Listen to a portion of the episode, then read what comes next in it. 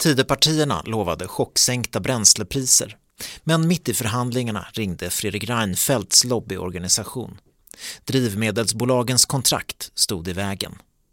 Det här är en inläsning från Svenska Dagbladet av Erik Nilsson och Amanda Lindholms artikel Striden om reduktionsplikten. Introducing Wondersweet from Bluehost.com. Website creation is hard, but now with Bluehost, you can answer a few simple questions about your business and get a unique WordPress website or store right away. From there, you can customize your design, colors, and content – And Bluehost automatically helps you get found in search engines like Google and Bing.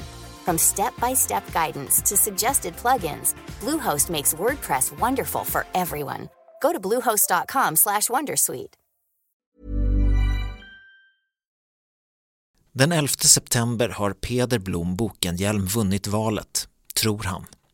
Han vet att bränslepriserna kommer att rasa man får hålla ut till årsskiftet, men då kommer en tydlig skillnad märkas. Så har han förstått löftet från partierna. Vad han inte vet är att samma partier några veckor senare på Tidöslott ska besluta att så inte blir fallet.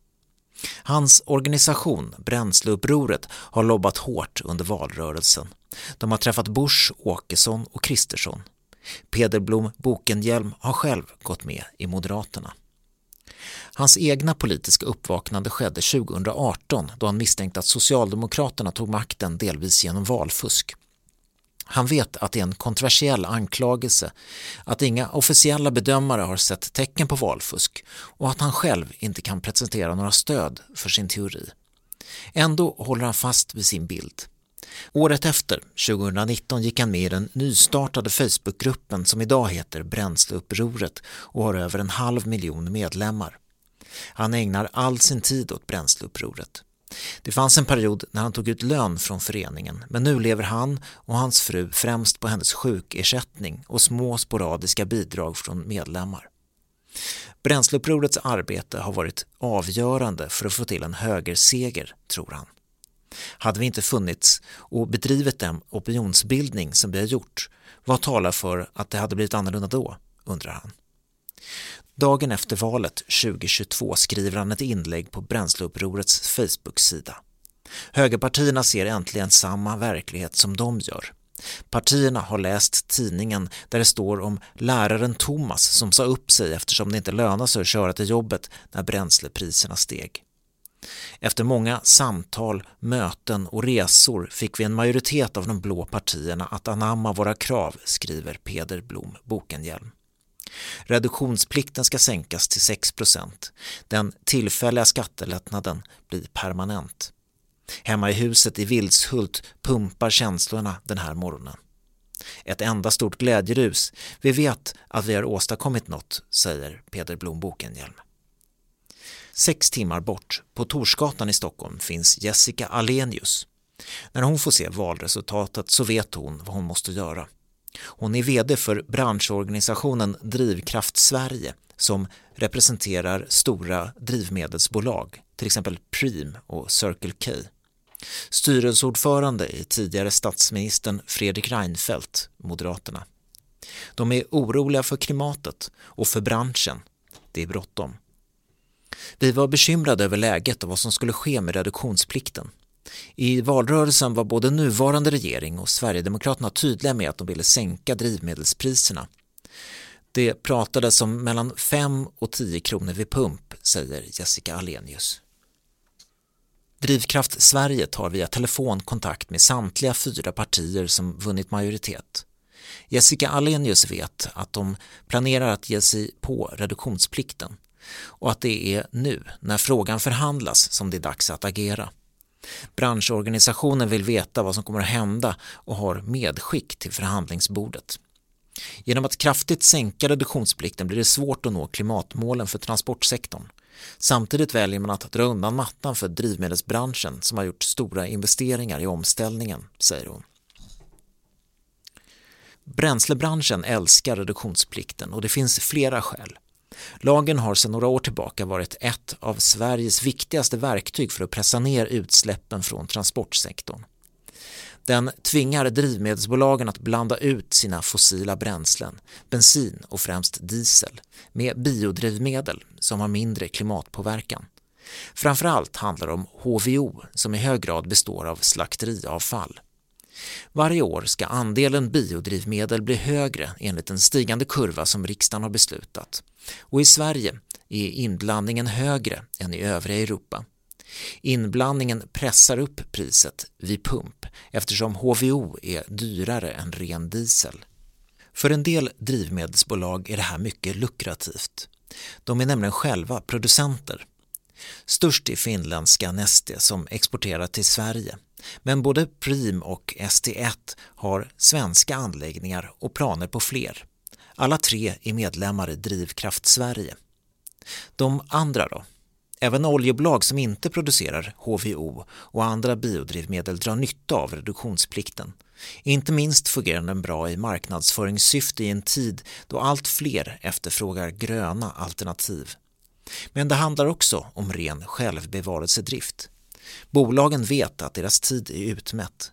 Fossila bränslen ska fasas ut och istället ska elbilar ta över. Med reduktionsplikten kan utfasningen av drivmedel till förbränningsmotorer gå långsammare. Nästan alla har hoppat på reduktionspliktståget. Drivmedelsbolagen, stora delar av klimatrörelsen och samtliga riksdagspartier förutom Sverigedemokraterna. Först under valrörelsen 2022 svänger Moderaterna och Kristdemokraterna och planen är att sänka reduktionsplikten till EUs miniminivå så fort det går. Men verkligheten spökar. Det vet Jessica Alenius och det är Drivkraft Sveriges budskap till partierna som har vunnit valet. Det handlar om kontrakt. Drivmedelsbolagen har nämligen redan reserverat leveranser av biodrivmedel för 2023 utifrån den redan beslutade reduktionsplikten. De vill inte sitta på större volymer än vad som går åt. Vi i branschen brukar prata om minst nio månaders framförhållning. Då sätter sig drivmedelsbolagen vid förhandlingsbordet med sina leverantörer och pratar om kommande år, säger Jessica Alenius. Dessutom förhandlas EUs miniminivå för inblandning av biodrivmedel och saken ser ut att klubbas tidigt nästa år. Innan man vet var förhandlingarna landar är det svårt att veta vilken nivå som ska gälla. Det är budskapet som Jessica Alenius försöker få partierna vid förhandlingsbordet att förstå. Vi har gjort dem uppmärksamma på att EU nu håller på att öka sina klimatambitioner och att man bör avvakta det. Annars blir det så att reduktionsplikten sänks kraftigt för att sedan höjas kraftigt igen efter ett tag. Vi har även påpekat att ökad andel biodrivmedel är avgörande för att nå vårt klimatmål. Och sen såklart att branschen behöver framförhållning. Det är inspelen som vi har försökt förmedla, säger Jessica Alenius. Synpunkterna följer med in i förhandlingsrummet på Tidö slott. Där är Sverigedemokraterna det mest reduktionspliktskritiska partiet och vill sänka så mycket som möjligt så fort som möjligt. Liberalerna som i grunden gillar reduktionsplikten är på andra sidan. När nivån på inblandningen diskuteras säger Sverigedemokraterna att de vill ner till EUs nuvarande miniminivå. Det pratar också Ebba Busch om i valrörelsen. Partierna enas dock om en kompromiss om att sänka den till den kommande miniminivån som blir högre men som ännu inte är klubbad. Dessutom, påpekar en liberalpartist, är sänkningen tillfällig eftersom den endast ska gälla under mandatperioden. När det kommer till tidsramen, alltså när reduktionsplikten och således också drivmedelspriserna ska sänkas, så diskuterar partierna olika datum. De olika kvartalen under 2023. Men Moderaterna driver på för den 1 januari 2024 och hänvisar till branschens kontrakt för biodrivmedelsleveranser. Så beskriver flera källor från olika partier Enligt en M-källa var partiet medvetet om bränslebolagens kontrakt redan i valrörelsen och valde därför att inte tala om datum för sänkning före valet. Moderaterna har varit försiktiga med att säga en exakt tid, säger personen. Och trots att flera partier har lovat betydligt lägre bränslepriser så fort det går så köper de argumentet och skakar hand på att vänta. En SD-källa med insyn påpekar dock att verklighetsbeskrivningen går isär.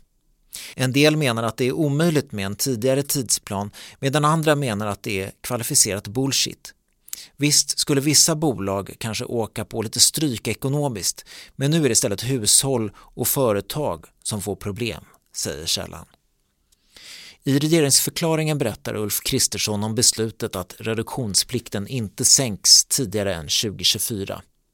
Men det är först några veckor senare som svekdebatten drar igång på riktigt.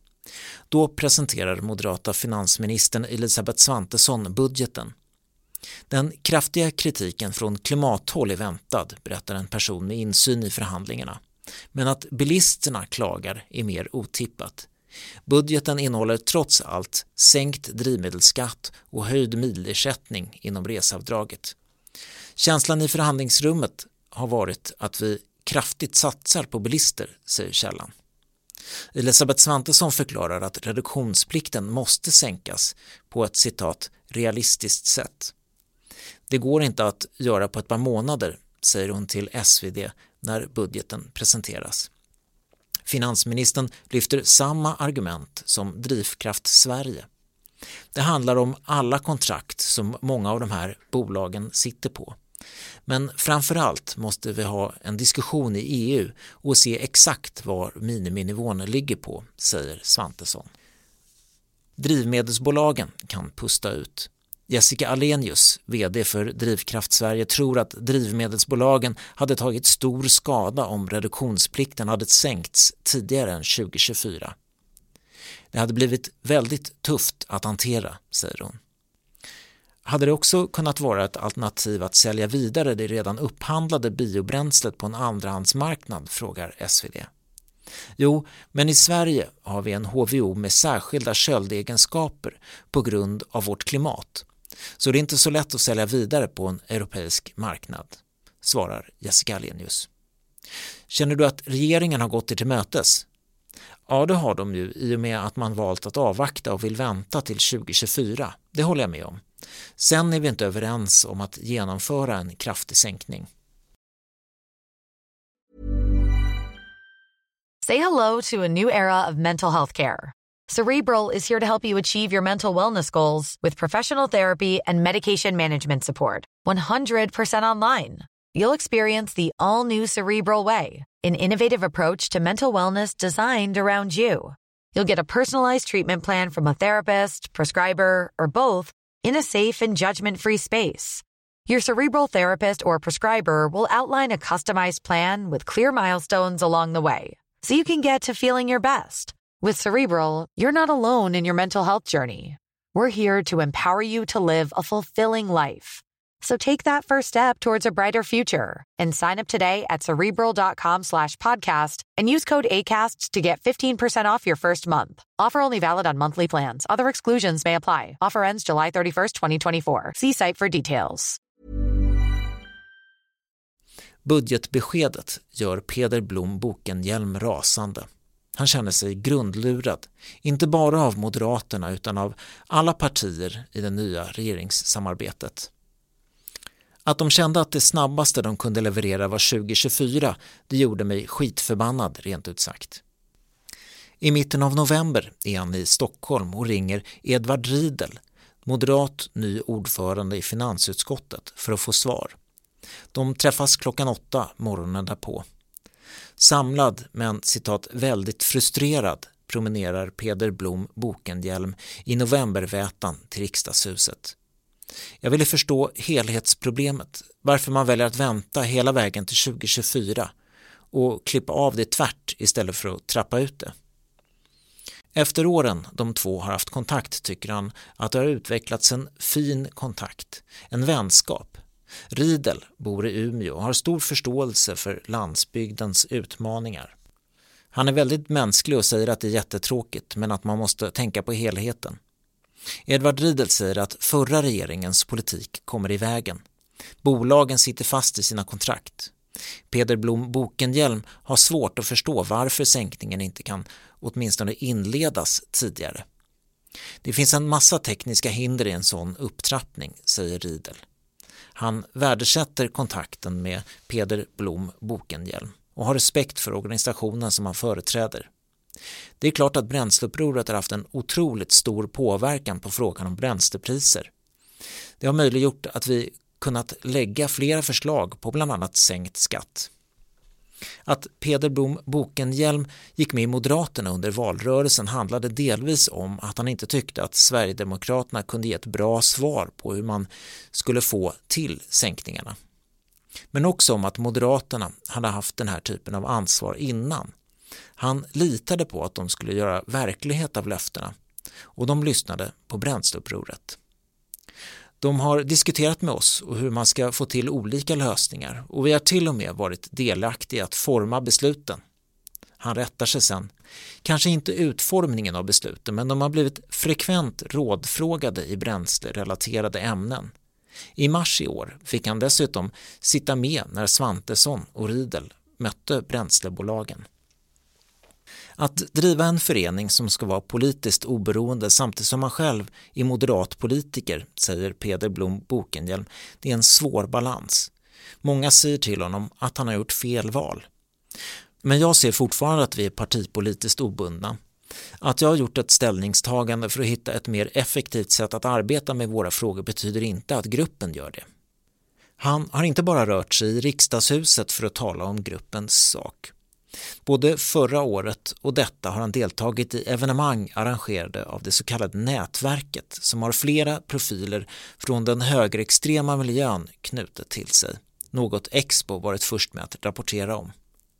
Han säger att han behöver finnas i alla miljöer för att nå fram med bränsleupprorets budskap. Och nu fortsätter lobbandet. Att sänkningarna ska ske först 2024 vill inte Peder Blom Bokenhielm acceptera. Närmast hoppas han på ett möte med Liberalerna. Hittills har han inte hört något som tyder på en öppning från regeringspartierna. Jag är extremt frustrerad över situationen. Den euforiska känslan efter valnatten är borta, men bränsleupproret finns kvar några dagar efter budgeten presenteras skriver Peder Blom Bokenhielm ett nytt inlägg. I många avseenden så känner jag att detta valet har varit lyckat men i vissa avseenden så känns det som att jag misslyckats. Men jag kommer att fortsätta kämpa för det jag tror är rätt. Jag önskar alla en trevlig helg. Med vänliga hälsningar, Peder. Botox Cosmetic, out of botulinum toxin A, FDA approved for over 20 years. So, talk to your specialist to see if Botox Cosmetic is right for you. For full prescribing information, including boxed warning, visit BotoxCosmetic.com or call 877-351-0300. Remember to ask for Botox Cosmetic by name. To see for yourself and learn more, visit BotoxCosmetic.com. That's BotoxCosmetic.com. Ni har hört en inläsning av Striden om reduktionsplikten från Svenska Dagbladet av Erik Nilsson och Amanda Lindholm. Redaktör Erik Hedtjärn. Ansvarig utgivare Anna Kareborg.